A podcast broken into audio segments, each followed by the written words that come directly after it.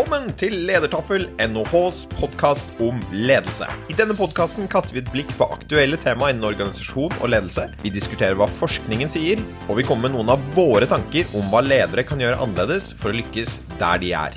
Mitt navn er Marius Jones, og jeg er ph.d.-stipendiat her ved Norges handelshøyskole. I denne episoden snakker vi med Tor Wallin Andreassen, professor på NHH, om innovasjon og kundelojalitet. Vi diskuterer Norsk kundebarometer og Norsk innovasjonsindeks. Vi snakker om hvordan virksomheter kan skape gode brukeropplevelser, og om viktigheten av miljø- og samfunnsnyttig innovasjon. Velkommen til en ny episode av Ledertaffel.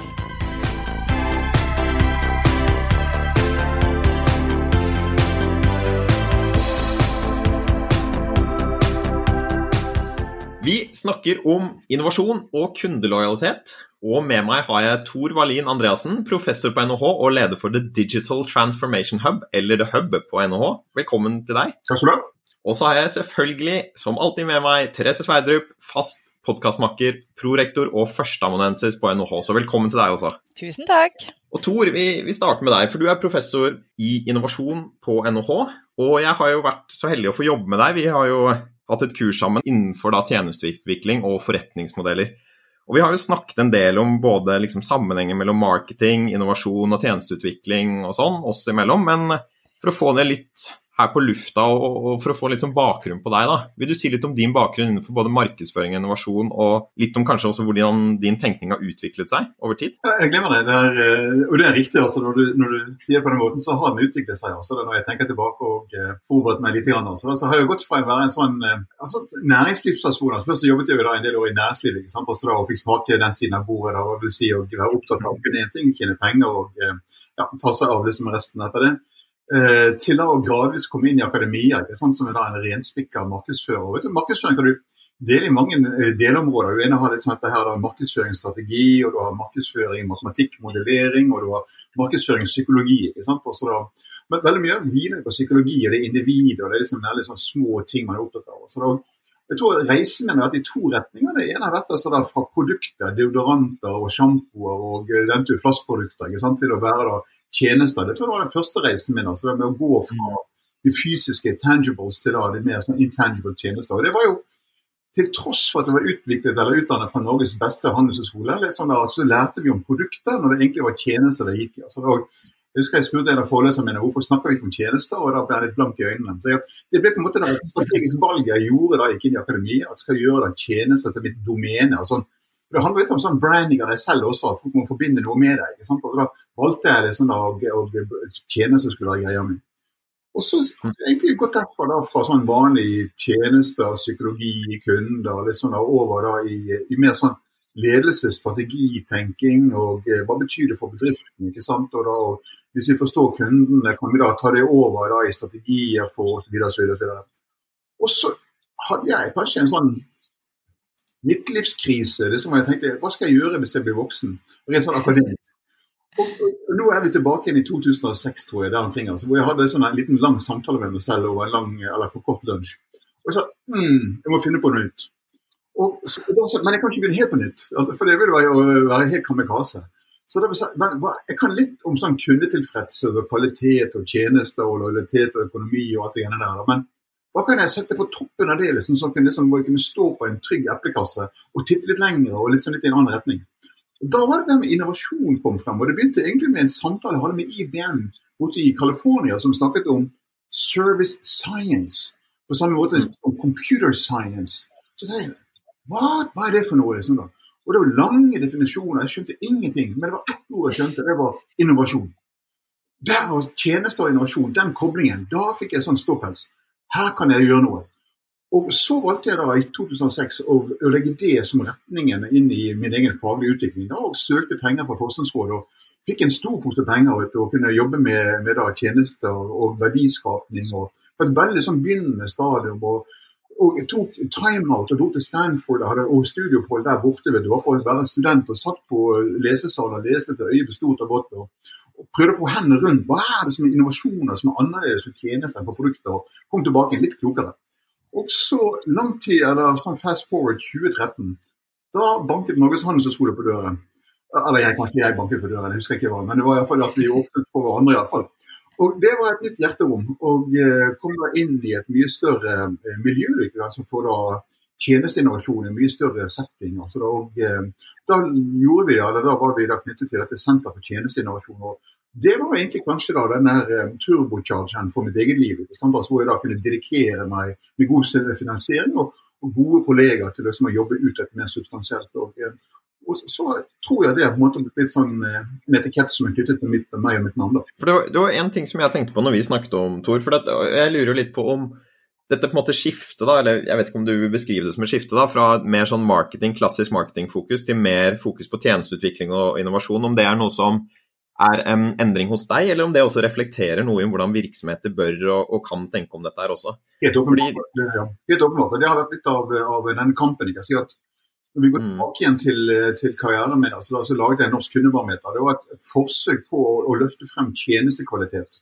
Altså, det, var det som var hele poenget. Jeg ønsket at norsk næringsliv skulle profesjonalisere seg ved at vi da systematisk hentet inn kundestemmen omkring vurdering og opplevelser med tjenester. Og Det var jo et fantastisk liv med dårlige historier altså i møte med bedrifter. De var, jo, de var jo noviser i disse tingene. her. Altså, da Vi snøvlet rundt som fulle sjøfolk. Og kundene hadde det vondt. Vi måtte gjøre noe. da, og Da lagde vi Norsk kundebarometer. og Det feirer 25 år nå og er bedre enn noensinne. fordi mye flinkere folk enn meg har gått videre med det. Det har blitt en veldig viktig faktor. Og så har vi liksom da tatt det et skritt videre ikke sant? Altså da med, i møte med bedriftene. Vi må få det inn i organisasjonene, inn i lederskap og tenkingen. da. Det er ikke til å stikke under en stol at fremdeles er produkttenking veldig langt fremme i pannen på næringslivsledere. Altså de tenker, spiser eh, altså de, de, snakker om tjenester, men de agerer produkter. Altså det, og det er litt sånn problematisk. for det å skape en tjeneste er helt annerledes enn det å lage en stålbar ikke sant? eller lage en støtfanger på Raufoss. eller slike ting. Det er liksom Mennesker, organisasjon og kultur og de myke tingene kommer mye sterkere frem av at hvis ikke du har orden på det indre i huset ditt, så får du ikke orden på det ytre utenfor huset på markedssiden. Der jobber vi ennå. Så da jeg ser mange bedriftsledere har stor glede av å oppdage tjenestelitteraturen fra 1980-tallet. Altså Som vi til de grader er ferdig med, har de sånn første besøk med og romanse med. Altså. Og det, det, er vakkert, og og det er liksom kjempefint. Hva vil du si da kjennetegner denne 80-tallslitteraturen på tjenesteinnovasjon? Hva er, det, hva er det som kjennetegner den versus det som vi finner i dag? Jeg tror det er en sånn modell som var delvis med på å utvikle da jeg var på Harvard Business School. og Det var noe de kalte for The Service Profit Chain som er en veldig enkel sak, altså, men, men sånn pedagogisk veldig kraftig. for Den kobler liksom da innsiden av virksomheten. altså da fra det at man har orden på hvordan du rekrutterer mennesker, hvordan du utvikler mennesker, du skaper gode organisasjonskulturer, du får mennesker til å blomstre. ikke sant? Eller du har mekanismer for å avvikle mennesker da i organisasjonen. Og det manifesterer seg da i personaltilfredshet. altså ikke det at det er et mål i seg selv, men det er et virkemiddel for å få mennesker til å bli værende i organisasjonen. Og for at det blir værende i organisasjonen, så har du mer igjen med å investere da, i kursing og utvikling. Du får økt produktivitet tilbake igjen, og kundemøtet blir mer og mer elegant. ikke sant? Og da fanger du det opp i form av da, kvalitet og kundetilfredshet og disse deilige tingene som leder da, til øh, vekst. altså da. Og Denne pedagogiske modellen tror jeg har gått hjem som tolv rett i tipping i næringslivet. Det er så intuitivt. og Det fine er at man også har underbygget veldig empirisk med mange studier om at den faktisk er belegg for den i mer sånn empiriske studier. altså da. Og Det er denne som tror jeg kommer tilbake hele tiden og bare alternerer mellom da at mennesker står veldig i sentrum, og så kommer teknologi og står veldig i sentrum. Men så pendler man frem og tilbake. Og, og nå er det hele tiden denne high-tech, high-touch-balansen. Vi, vi, altså, vi kan ikke erstatte mennesker, altså, og, men vi må supplere dem med hverandre. Like det grunnleggende gjelder. Altså, det tror jeg er kanskje den enkleste og beste modellen å forklare altså, på, på det hele. Så har det også vært en veldig diskusjon om krangling ikke sant, om tjenester er noe å satse på. Men da var det en gjeng med gærninger i 80-tallet som gikk ut og sa at vi velger det som en karrierevei. Ikke sant? For da var jo det business to business, og det var liksom relasjoner på businessmarkedet, og det var produkter. ikke sant? Så, da, så det var en gjeng som tok, satte karrieren sin på spill altså, da ved å gå inn i dette området her. Og i dag er det helt dominerende. altså Fun fact til Norge, BNP 78 er tjenester. Ja, Det høres jo litt sånn overraskende ut, tenker jeg, herfra jeg sitter. da, og å høre at, måte, at, det var å satse karrieren sin og gå inn for på en måte, tjenester istedenfor produkter der. Men uh, ja, ja. tidene endrer seg vel. Vi, vi, tenkte jo at vi skulle snakke litt her nå om en del artikler du har skrevet, Tor, som er knyttet til den pågående koronakrisen. Og, og da knyttet mye da til covid og omstilling og innovasjon og kundelojalitet. Eh, vil du si litt om hva det overordnede målet ditt har vært med å skrive artikler i denne perioden? Hva er liksom budskapet som du tenker er viktig for virksomheter akkurat nå? Jeg tror det viktigste har vært at vi uh, gir et supplerende bidrag. altså da, At ikke vi nå bare drar i kostnadsnødbremsen og liksom tar oss rett ned i en sånn overvintringsstrategi hvor vi bare har nødlampen på eh, i, i, organisasjonene. Men det er også en tid for at uh, når vi nå liksom har, Hvis vi var en ordentlig bedrift som hadde da, mener, da mener jeg, vi hadde ansatte, vi hadde kunder, vi hadde en god inntjening, vi hadde en god finansiering og andre typer ting, så datt himmelen ned. Og da mener jeg at Enhver en, svær, ansvarlig leder vil jo da tilpasse kostnadene sine til etterspørselen. Men det er en sånn no-brainer. Vi forventer jo det. Men når du er der nede, så var det mitt bidrag var at da må du overvintre sammen med kundene dine. så Du kan ikke bare ta deg ned i en sånn dvale og så vente på at solen står opp igjen. Du må liksom arbeide aktivt i denne perioden. her. Og en rekke bedrifter har gjort det. og jeg, Mitt beste eksempel på det er denne, her, i denne treningskjeden Sats. Som da mm. 13. mars så datt eh, himmelen ned, og dørene stengte og lyset gikk. Og Skulle de da vente til nå ute etter jul sommeren for å kunne håpe at kundene kom tilbake? Nei, det blir for risikofullt. Så Budskapet var tosidig. Det ene var at du må arbeide med å forstå nå hvordan kan du passe inn i kundene dines liv når omstendighetene har endret seg. Ikke kundene, men omstendighetene har endret seg. Og Det betyr jo da at på samme måte som du har tatt ned dine kostnader, så har da kundene tatt ned sine kostnader fordi det er usikkerhet rundt inntektene, det er usikkerhet rundt formuen din. Og selvfølgelig vil du da ta ned husholdningen på da et nødbuss. I den prosessen kan du da stå i fare for å bli tatt ut av ligningen. Og da begynner du på null ikke sant? med å da måtte hente inn en helt ny kunde når da vi begynner på den nye hverdagen. Budskapet var hva kan du gjøre for å hjelpe kundene til å selv overleve i denne vanskelige perioden. Ikke bare du, altså mer sånn dual perspektiv. Og Da er det tusen ting man kan gjøre. ikke sant? Altså, men akkurat var jo å innovere når alt var stoppet opp. ikke sant? Og det Kanskje det er det lille bidraget lå, da. Har du noen formening om eh, sånn som Sats, da, som har tatt dette eh, grepet. Og så har du i andre bransjer tar de ikke grep. Har det noe med kunnskapsnivået på ledere og kunnskap om innovasjon altså Hvor vil du si det ligger henne? Ja, Det er et veldig, veldig godt spørsmål. Altså, da.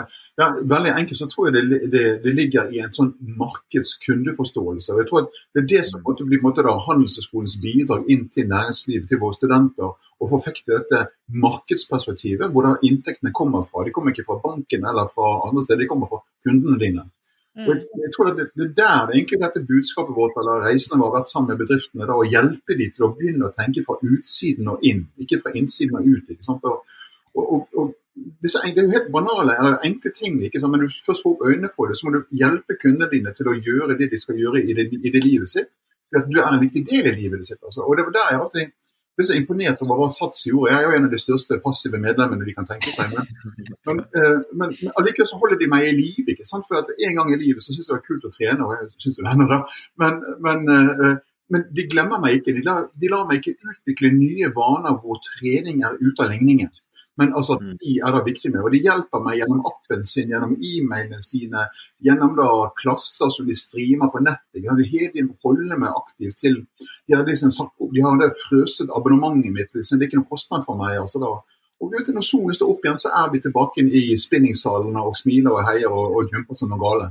Det er jo, jeg syns Sats er et spennende eksempel og godt eksempel, fordi det er jo en, en bransje eller en, en tjenesteleverandør som, som, virker så avhengig av at folk møter opp fysisk. Det er jo kanskje en sånn treningssenter liksom, hvordan kan de gjøre det på en annen måte? Så når de klarer det, så sier du kanskje litt om at veldig mange kan få det til også.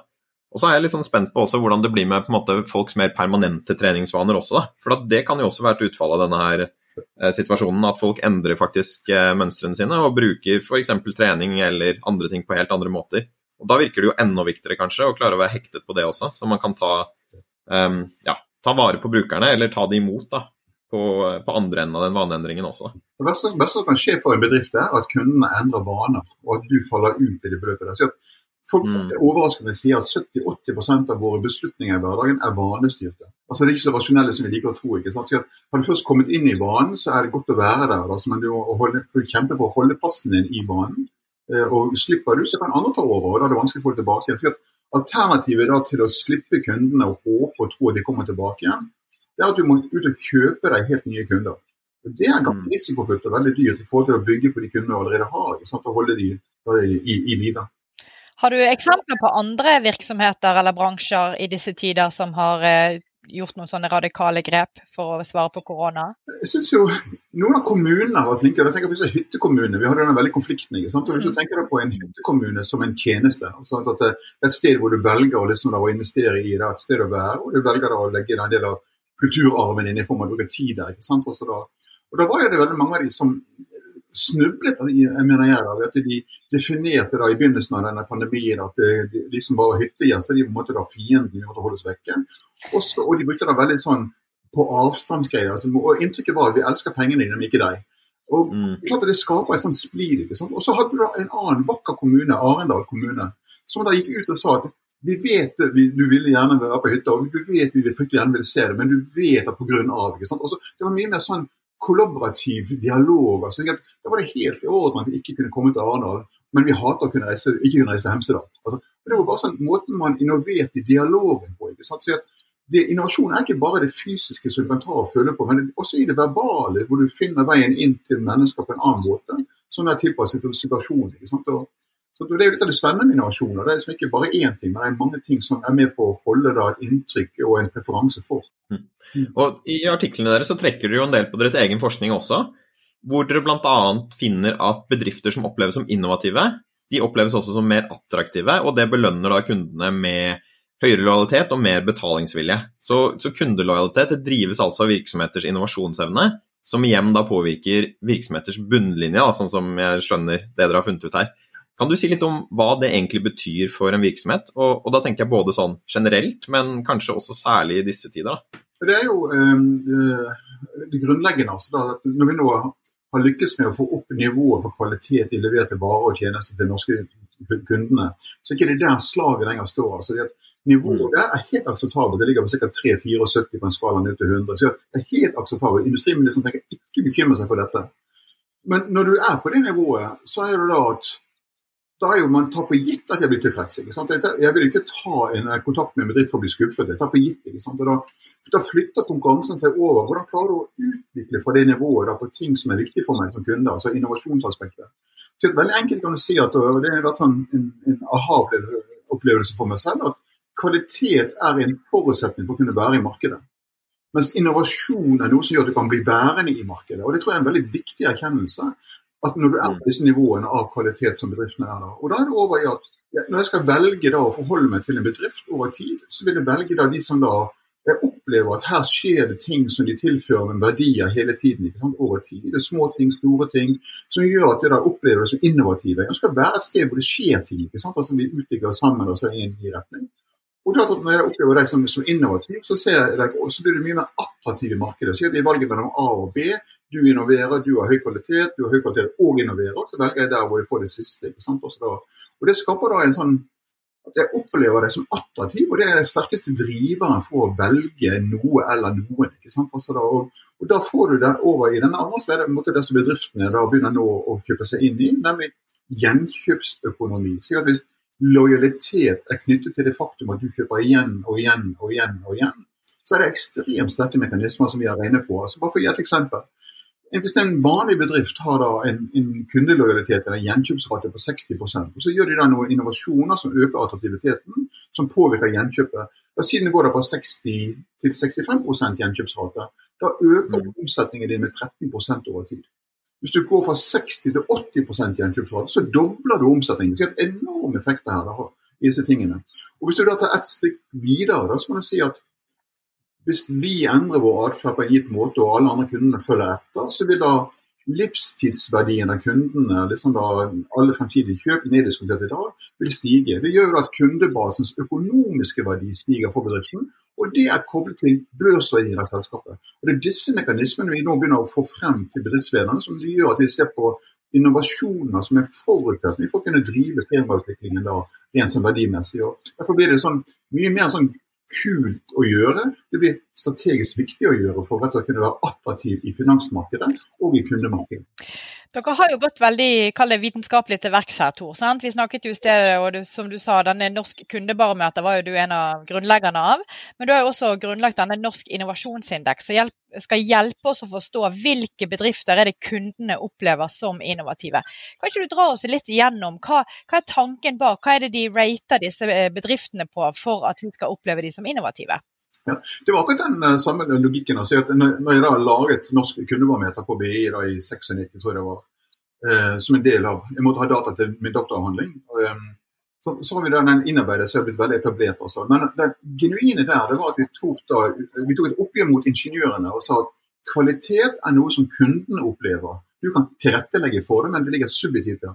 Og Det samme med gjelder innovasjon. og sa Det samme, det var ikke mer sånn rocket science enn det at, at innovasjoner er ikke hva ledelsen eller ingeniørene definerer det til å være, men det var kundene. da, Og kundene er viktig fordi at det ikke er det eneste man skal lytte på, men det er tross alt de som har pengene som bedriften skal leve på.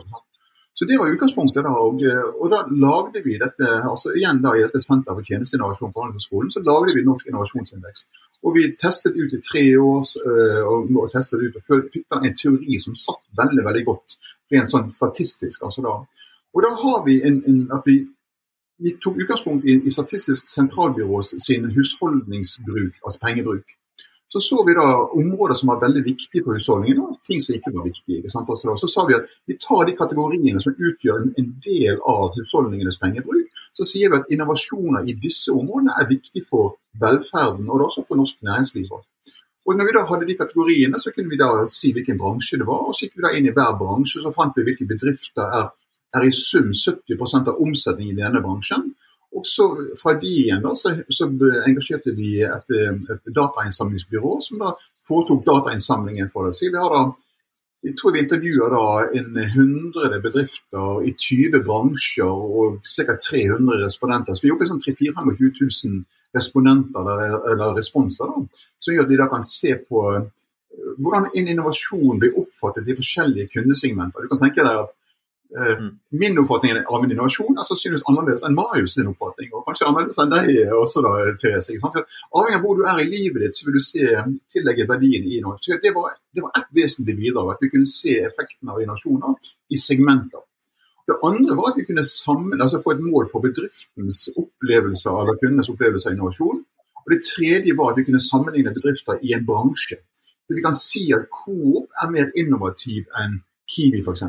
Og vi kan belegge for det. Vi kan si at eh, TV 2 oppfattes som mer eller mindre innovative forhold til NRK. og Så kan vi diskutere hvorfor. Og så kan vi da, Hvis vi hadde ubegrensede penger, så kunne vi aggregere opp på nasjonalt nivå. Altså, i dette. Og Det var et, et innspill det var like mye et spark til samfunnsøkonomene i SSB som det var for å få opp et annet mål for at er Norge innovativ eller ikke. Vi mener det er et meningsløst spørsmål, med mindre du da tapper inn i kundenes vurdering av det. Altså, en nasjon kan ikke være innovativ. Eh, men hvis kundene mener at bedriften i nasjonen er innovativ, så er vi det. ikke sant? Og så, så Det var liksom tilnærmingen til det hele. og Nå har vi gjort dette her da i siden 2016. gikk vi ut av, Da kom vi ut av skapet. Følte oss trygge på at vi kunne gjøre det offisielt. og Så hentet vi inn data med dem. Og vi fikk masse pepper. Og du milde potet. Eh, fordi vi da traff en nerve ikke sant? Altså da på at uh, Mener du at ikke vi er innovative? Nei, ikke jeg, men kundene dine mener det. Ja, de tar feil. Mm. Og så fikk vi en debatt på det igjen. Og så la stormen seg da i 2017, og i dag så tror jeg det er bare akseptert. ikke sant? Det morsomme er, bare for å slå meg selv litt på brystet, da, det er at det som vi fant ut, eller gjorde da i dette senteret da, på, på Handelshøyskolen og på instituttet vårt, er jo at dette nå er nå antatt i USA, det er antatt i Finland, det er antatt i, fremover blir antatt i Danmark, i Belgia, i Sverige. Og vi har samtaler nå med Australia. Så vi, altså Forskningen vår da, har blitt eksportert. og Jeg tror det er veldig få ganger at vi eksporterer forskning fra Norges handelshøyskole. Det blir kult. Jeg tenkte på en ting som, som er kanskje relevant her, da, siden vi er en, en podkast om ledelse og skal ha litt tips til alle ledere som sitter der ute også. Jeg, jeg regner med at dette er et verktøy som, som kanskje kan brukes som styringsinformasjon også? Og at det er på en måte tilgjengelig også for de selskapene, både de som er beskrevet der, men kanskje andre også som, som vet hvem de skal sammenligne seg med, da, hvem vet hvem de ligger på samme liste med. Hvordan tenker du at dette her eh, verktøyet som, som dette har blitt, måte kombinasjonen av Norsk kundebarometer og Norsk innovasjonsindeks, kan brukes av ledere som skal på en måte finne ut hvordan skal vi, eller hva er det neste vi skal gjøre nå, eller hvordan kan vi utvikle bedre tjenester? Veldig, veldig. Så det, det er ikke enten-eller, det er både og. Det er ikke én lampe på dashbordet man skal følge med på, det er liksom mange lamper som i, i, i, i samspill. Altså da. Det er klart at Kvalitet og kunderådelse er veldig viktig. altså Du kan ikke falle i det. altså Da holder dette ut av markedet. Men hvis du da sier at vi, vi har rimelig kontroll på kvaliteten vår, så er det spørsmålet hvordan ligger vi an på innovasjon. Så det er samspill dit imellom. Da lagde vi en sånn veldig enkel to ganger to-matrise hvor vi har høy, lav på kundetilfredshet og så høy, lav på opplevd innovasjonsevne. Da får vi en sånn to ganger to-matrise hvor vi da kan få noen morsomme etiketter. da. Det som vi antok eh, som sånn her da, posthypotese, det var at eh, de fleste bedriftene i Norge har kontroll på kvaliteten sin. De ligger oppe på en skala der, men de ligger nede på innovasjonsevne. Så vi antar da at hovedgrupperingen vil ligge i det vi vil kalle pålitelige. Og Det er egentlig negativt i det. Det betyr bare at jeg vet hva jeg får, og jeg får det. Og det er helt OK. Men så er det godt hende at det kan være at man kan løfte seg med på innovasjon. Det var egentlig det vi så. Sant? At eh, de aller fleste bransjene, eller alle bransjene ligger det pålitelig. Men så er det noen få bedrifter som stikker hodet opp. ikke sant? Altså De, de, de rastløse guttene i klassen eller pikene i klassen. Og det er liksom den der eh, hodet opp, sånn den der eh, whack-a-mole, liksom. Stikker hodet opp. Og de, er, og de er sånn innovative samtidig som de har høy kvalitet. ikke sant? Og Det gjorde at vi kan begynne å diskutere det, dette samspillet. Skal vi da investere i mer kvalitet, eller skal vi investere i mer innovasjon? Og, og Gitt det nivået du er på, så viser og det, det har vært et sånn lite spark tilbake igjen. Det er rett og slett økonomisk uansvarlig å øke kvaliteten og tilfredsheten utover det nivået du ligger rundt sånn 70-75. Altså da, avkastningen på siste kronene er negativ. ikke sant? Det gjør at de må investere mye mer på innovasjonsevnen, for der er det mye mer å hente. Der. Og Det har skapt veldig gode debatter blant lederne. for De føler at de kan da foreta to strategiske valg. Skal vi da stramme opp operasjonen vår, eller skal vi da jobbe med nylanseringene i markedstilbudet eller i forretningsmodellen vår? Og Det er akkurat der vi kan guide det. og jeg mener at det er det den moderne handelshøyskolen gjør overfor samfunnet. Vi guider de i sin tenking med støtte i solid forskning. Altså. Og Der er vi jo det kjempekult å se at vi får lov å komme inn og gi råd til bedriftene. Og I et eksempel, Altså, var, eh, Nå har du startet møllen, så nå, nå, er det, nå, er det, ille her. Vi, altså, Posten Du kan si at Posten Vel, det er ingen grunn til å snakke. Det er utrolig spennende bedrifter. Altså. De var det første bedriften som tok dette måleinstrumentet i bruk. Fordi de ønsket å begynne en reise fra da sør til nord i denne skalaen. ikke sant? også det kommer seg oppover. Og Jeg har hatt et møte med konsernledelsen her forleden og gikk gjennom disse tingene. De er rett før de bryter gjennom lynmuren og kommer opp på pallen til ti beste. Og Det er kjempekult å se. De så, vi begynte å måle det hvert kvartal. begynte å måle og rapportere til dem. Nå er det en underliggende tsunami som stiger oppover i form av da høyere og høyere og høyere opplevd innovasjonsevne, mer attraktive markeder, økt lojalitet. Og hvis de var notert på børsen, så ville vi sett en effekt der også. Da. Det er kjempespennende. Men jeg synes jo en, en tredje ting, da, du snakker om disse to tingene eh, som er kommet ut av dette, Tor. Men en tredje ting som jeg synes var utrolig spennende òg, er jo det dere har tatt inn med disse kalles samfunnsnyttige ja, innovasjonene. Ja, ja, og det er utrolig gøy, apropos å være en moderne handelshøyskole. Som vi har nevnt i ledertaffel tidligere, så har jo NHH utviklet en ny eh, eksistenserklæring som heter Sammen for bærekraftig verdiskapning. Og det, Tor sitter faktisk på seg Det er den T-skjorten bare til lytterne som ikke kan se at Tor er så flott i T-skjorten her. Men den sier nemlig noe om at én uh, ting er jo at du skal innovere.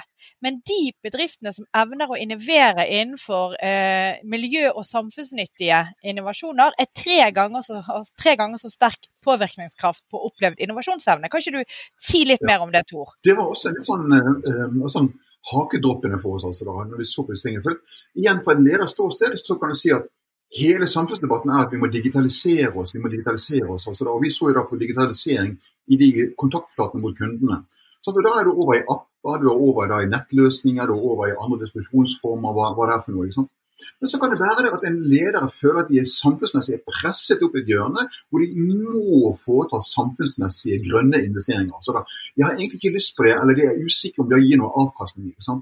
Og Det var da vi satte i gang her og så på vel, La oss da se på hva, hvilken effekt har digitale kundeinnovasjoner i forhold til da miljømessige eller samfunnsgagnlige innovasjoner på denne variabelen opplevd innovasjonsevne. Og Vi gjorde det altså da for, igjen i et representativt nasjonalt utvalg i forbindelse med innhentingen av dataen til innovasjonsindeksen. Og, og Det vi så, det var liksom sånn hakedroppene. I alle bransjer, i alle bedrifter, i alle segmenter så ser vi det samme mønsteret. Begge to er viktige for å kunne påvirke opplevd innovasjonsevne. Men miljømessige og sosiale innovasjoner er tre ganger så kraftige i sin korrelasjon, påvirkningskraft, til opplevd innovasjonsevne. Så det er ikke enten-eller, det er både og. ikke? Du kan si at En forklaring på hvorfor det ene er enn det andre, er at digitale innovasjoner har i samfunnsdebatten ofte er koblet til oppsigelser, altså mennesker mister jobben sin. Og dette med da sosiale eller miljømessige innovasjoner er gjennomgående positivt, og man applauderer det. Så Det kan være én forklaring hvorfor vi finner det. Men bildet er at de bedriftene som våger å gå ut og investere i det som er det bærekraftige grønne, og de bedriftene, sånn som Stormberg, som vil ta sosialt ansvar med å ansette mennesker med hull i CV-en sin, skal vite det driver opplevd innovasjonsevne. De er vesentlig mer attraktive i markedet, og de belønnes med mye høyere kundelojalitet og alle de andre deilige tingene som følger av det. Altså. Så, og Det igjen er et bidrag for da solid forskning til næringslivet. Vær trygg i din satsing på at dette er lønnsomt. Altså da, og Det er det vi har vist nå for første gang grønne investeringer er lønnsomt. Så bare For å oppsummere litt underveis nå, så sier du at ok, kundelojalitet, vi må ligge på det der 73-nivået. Du føler at de fleste bedrifter er der. De må nå pushe innovasjonsevnen sin. Der kan vi igjen sant, dele i kalle digitale, kommersielle innovasjoner, eller nå samfunnsnyttige, mer sosiale innovasjoner. Men da kommer jo dette spørsmålet igjen da fra kall et ledelsesperspektiv. Hvor tar man da balansen? På de samfunnsmessige digitale. Hvordan eh, Er dette i ledergruppen? Settes det ut til ulike eh, direktører? Altså, har du noen tanker rundt det spillet der? For jeg vet jo at det typisk vil melde seg som noen spørsmål som bedriftene har. Det er veldig, jeg skal, jeg skal gi et, eh, litt motivasjon hvorfor jeg mener det er. Dette er sånn ledelsesoverbevisning. Jeg har brukt mye tid nå i siste på å tenke mye på det Det som jeg opplever sånn en skifte i måten ledere tenker på, eller samfunnet forventer at bedriftene eller lederne skal tenke på. Og Jeg kaller det fra da overgangen fra Milton Friedman, aksjonærene først-doktrinen, til det mer dette samfunnsgagnlige doktrinen, altså hvor det er interessenter, stakeholders, som må ivaretas. Og det, Den skismen som vi nå gjennomlever, er jo det at bedriftene flytter seg fra det ene rene én gruppe skal prioriteres, til at det er en rekke grupper som skal tilgodeses. Så Den skisme der, som vi da første gang så i forbindelse med uh, grønne investeringer, må inn i investeringsanalysene våre. Så vi da kan ta hensyn til det og, og promovere det.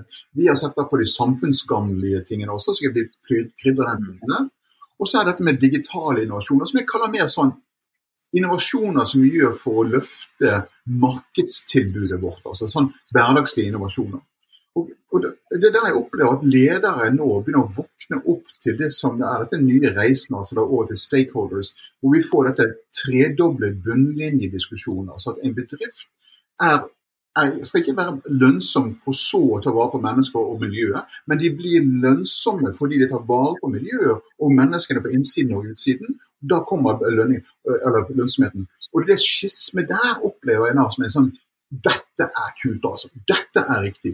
Og Når vi da kan ligge i bakgrunnen med å heie på dem med dataene våre, med forskningen vår, så hjelper vi lederne med en vandringsstav i dette komplekse diskusjonene til å komme ut på andre siden. av Altså men det er akkurat dette her at man, vi tror på disse sammenhengene fordi det er underbygget av vitenskapelig forskning ikke sant? Også fra en ledende handelshøyskole, som gjør at lederen mye lettere, eller styrene for den saks skyld, kan allokere midler inn, ta disse beslutningene som understøtter det som vi ønsker, nemlig at bedriftene skal være gode samfunnsbyggere. Drive opplevd innovasjon, det virker jo kritisk. Og en måte høres ut som det er å gå inn i disse samfunnsnyttige formålene, for at det virker å være mye sterkere. Og så sier du jo en del ting, da, Tor, som f.eks. at innovasjon ikke handler om eller nødvendigvis sånne avanserte tekniske spesifikasjoner, eller at produktene skal være så teknisk finurlige. Og at hva som er innovasjon, avhenger også hvem du spør. altså Hvem er egentlig brukeren her, og hva er det de trenger for noe? Og at vi i stor grad er i en sånn tjenesteøkonomi.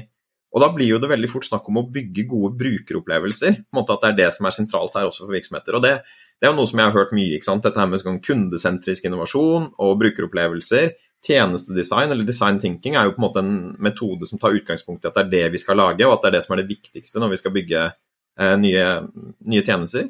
Vil du si litt om hva som ligger i det? Altså, hva, hvorfor er dette her på en måte brukeropplevelseperspektivet så viktig, og hva er det virksomheter bør gjøre for å skape det? For det er jo en ting som er på en måte lett å si, og, og nesten høres selvfølgelig ut også. Mm. Men hvordan er det man faktisk går fram for å klare å bygge gode brukeropplevelser? Du har jo vært en av de som har påvirket eller hjulpet meg til å tenke videre og lenger og høyere og, og, og bredere. nettopp disse perspektivene her. Da, altså, ja, for meg er liksom designtenking da, to ting. Det ene er metodikk, som hjelper bedriftene å ta da utsiden inn-perspektivet. Altså si kundenes uh, opplevelse og reise med, med bedrift. Men på samme måte er det også en måte å tenke på. altså da for ledelsen, altså si at Designtenking er like mye en måte å tenke på som det er en metodikk. Ikke sant? Og det, det, er det vi har prøvd å bake inn i det kurset som vi har på Handelshøyskolen. Altså å hjelpe bedrift, eller disse fremtidige lederne til å ikke bare få svaret i tallene eller litteraturen, men også da å forstå, tenke og spise som en, som en kunde. Så jeg tror det er veldig viktig, altså, nettopp fordi at mange løsninger som kommer ut til kundene, er dessverre innsiden utedrevet. Altså, de er veldig smart på et sånn roteloft for noen ingeniører eller noen datapåmeldere. Men når det kommer ut i møte med kundene, så er det alt annet enn elegant. Det er liksom litt sånn krøllete. Og da jeg mener at Designtenking kan nemlig fjerne disse rynkene, disse krøllene som er i kundeopplevelsen. at det å reise gjennom Ikea på en eh, shoppingtur kan oppleves som faktisk behagelig, fordi den er gjennomtenkt. ikke sant? Du snubber ikke fra reol til reol fremover som en fugleskjører, men det er gjennomtenkt fra du reiser hjemmefra til du er hjemme igjen i huset ditt. ikke sant? etter å ha vært hos Ikea. Og det er akkurat denne også som har vært sånn, hatt en farsott altså da, nå i de siste to årene, tre årene altså da, i, i ledelse, og også da i i Handelshøyskolen. Jeg tror at NHH var en av de første, om ikke den første, som tok designtenking inn som en del av kursene våre. altså si, ikke at de hadde egne kurser, men vi tok inn som en del av kursene våre. Og jeg tror det er veldig viktig å hjelpe studentene på den måten. der. Men det er akkurat det å igjen svare opp på at hva er det som er verdifullt for kundene. Altså, si hvis jeg bruker et eksempel, som er, nå er vi tilbake i 1963. det er liksom da at eh, Ford skulle lage den nye sånn her eh, av en bil. og det, De kalte den for Mustang. Og, og det blir en kioskventer. Men det ble det fordi de bommet fullstendig på segmentet som skulle kjøpe den. De hadde vært kvinnelige, altså kvinner som skulle kjøpe den, men så ble det menn med, med testosteronproblemer som kjøpte den. i 40 år. Det er kommersiell suksess, men det er jo en markedsmessig fiasko. ikke sant? Altså innovasjon Du treffer en helt annen målgruppe. Og jeg tror at denne måten å tenke på hva er verdifullt for hvem, hvor du er i livet ditt og den type ting, er litt av det nye som vi da introduserer gjennom denne forskningen vår. altså det er ikke mm. one size fits all, eller du skyter med en hagle på veggen og håper at noe blir hengende. Nei, du går ut med sniper rifle. Denne attributten skal være til glede for Marius. Han er i begynnelsen av livet sitt. Vi kaller han for young, free and simple. Eller, eller enkel. Han har fått to som har fått livet sitt tilbake, og han er opptatt av andre ting. ikke sant? Altså da, og livet tilbake for et ungen ut av huset. Altså. Og det viktige av disse tingene her, vi må speile i hva er viktig for kundene, slik de vil ta tingene i bruk. En innovasjon har ingen verdi med mindre noen i. Vi er jo der nå at vi, vi har dette senteret som du leder for, som heter uh, The Hub på NHH. Og det er jo veldig eh, ja, fremoverlent, vil jeg si, for en handelshøyskole å etablere et sånt senter. Kan ikke du si litt om tanken bak det? Hva er misjonen med et sånt senter for oss? Ja. Jeg tror det var igjen altså, oppropet fra, fra, rektoratet om at vi som høyskole må bli mer altså, digitale i vår måte å uh, tenke på når det gjelder verdiskapning og lede, styre virksomheter. Og For meg så falt det ned da på innovasjonssiden. ikke sant? Og, eh, og Vi var veldig heldige. altså, eller Gjennom dette senteret for tjenesteinnovasjon så hadde vi med oss mange fremragende bedrifter, deriblant Telenor. Og Telenor hadde da på NTNU gjort en betydelig donering altså da, og etablert dette norsk, eh, eller Norwegian Open AI Lab der oppe. For å sette da fart på forskning rundt kunstig intelligens. Vår idé var da vi henvendte oss, eller vi ble henvendt eller kontaktet da Telenor, det var at de hadde da satt den laben i gang der oppe. Nå ønsker de å ha tilsvarende trykk på da AI, eller kunstig intelligens, inn i virksomhetene, som de syntes var naturlig å legge det initiativet til Norges handelshøyskole. Så det var egentlig etter bestilling fra da næringslivet, da nå med spydspissen til nord, til å lage det som vi kalte for The Digital Transformation Hub på uh, at NHH, som vi da bare forkorter til The Hub at NHH. Det er en, en arena som har tre funksjoner. Det ene er da formidling av forskning knyttet til digitale innovasjoner for bærekraftig vekst. Det er en nettverksarena for ledere som er opptatt av å stå midt i sånne transformasjoner med at bedriftene blir digitale. Og så er det en, en treningsarena hvor vi da formidler forskningen vår da, på en mer sånn Harvard Business School-stil overfor disse, disse, lederne. Jeg tenkte For å bare avslutte og eh, gjøre som vi vanligvis gjør på denne podkasten, er jo å gi noen konkrete tips til alle lederne der ute som tenker at dette høres spennende ut, og at de kanskje vil dytte sin virksomhet litt oppover på denne innovasjonsindeksen også. Da. Så hvis du skal gi tre råd, Tor, til ledere som sitter og tenker jeg vil bygge bedre kundeopplevelser, hva sier du da? Ja. Da vil jeg begynt med det som uh, du hjalp meg med. altså Lær deg designtenking. Altså, den metodikken, Du trenger ikke bli ekspert i det, men bare få det perspektivet inn i huden. der Det blir en del av DNA-molekylene dine. Så Du begynner med alle resonnementene med utsiden inn. da, og, og, Hvis du da trenger litt sånn boklig støtte for det, så er det en fantastisk bok som vi bruker da på masterkurset vårt, som heter 'Competing Against Luck', som er skrevet av Clayton Christensen. Som er en fantastisk innføring i å bruke designtenking for da å se at kunder kjøper ikke produkter, de involverer de livene sine for å løse et problem. Din oppgave er å fjerne denne rynken i landskapet til kunden, slik at de kan fortsette med livet sitt. Så Det er det første jeg vil begynne med. Det andre jeg vil anbefale deg, da, det er for, jeg adresserer da markedstilbudet ditt. og det er sånn der, kan du, der du bli flinkere. Det andre vil da jobbe med, det er forretningsmodellen. Vi har jo da på instituttet noe av det flinkeste i Norge på dette. Tina Saebi og det miljøet som hun har skapt rundt seg, er jo det dyktigste i Norge. da, og Her ligger vi langt foran næringslivet for en gangs skyld når det gjelder da, tenking og innovasjon rundt forretningsmodeller. Kjøp deg inn i det, søk hjelp. Få en vannstav til å ta deg gjennom ikke bare da markedsinnovasjoner, men forretningsmodellinnovasjoner. Det tredje er også det er å utvikle en organisasjonskultur som da går på at man tenker, spiser, snakker kunder. Altså det, det, har vært altfor mye fokus på kostnadsreduksjoner for å få frem lønnsomhet. Tenk på hva kan vi skape verdier for kundene, så vi kan ta ut en høyere pris hvor mennesker på innsiden, vi kaller de ansatte, og mennesker på utsiden, vi kaller de for kunder, er i gjensidig harmoni. Altså da, som kunde så får jeg det jeg trenger, og mer til. Som ansatt får jeg tilfredsstilt meg på og, og, og, mer til altså da, under et godt lederskap. Jeg tror det er så enkelt, samtidig er det så komplisert. Altså. Men det er de tre tingene jeg vil si keep on working. altså.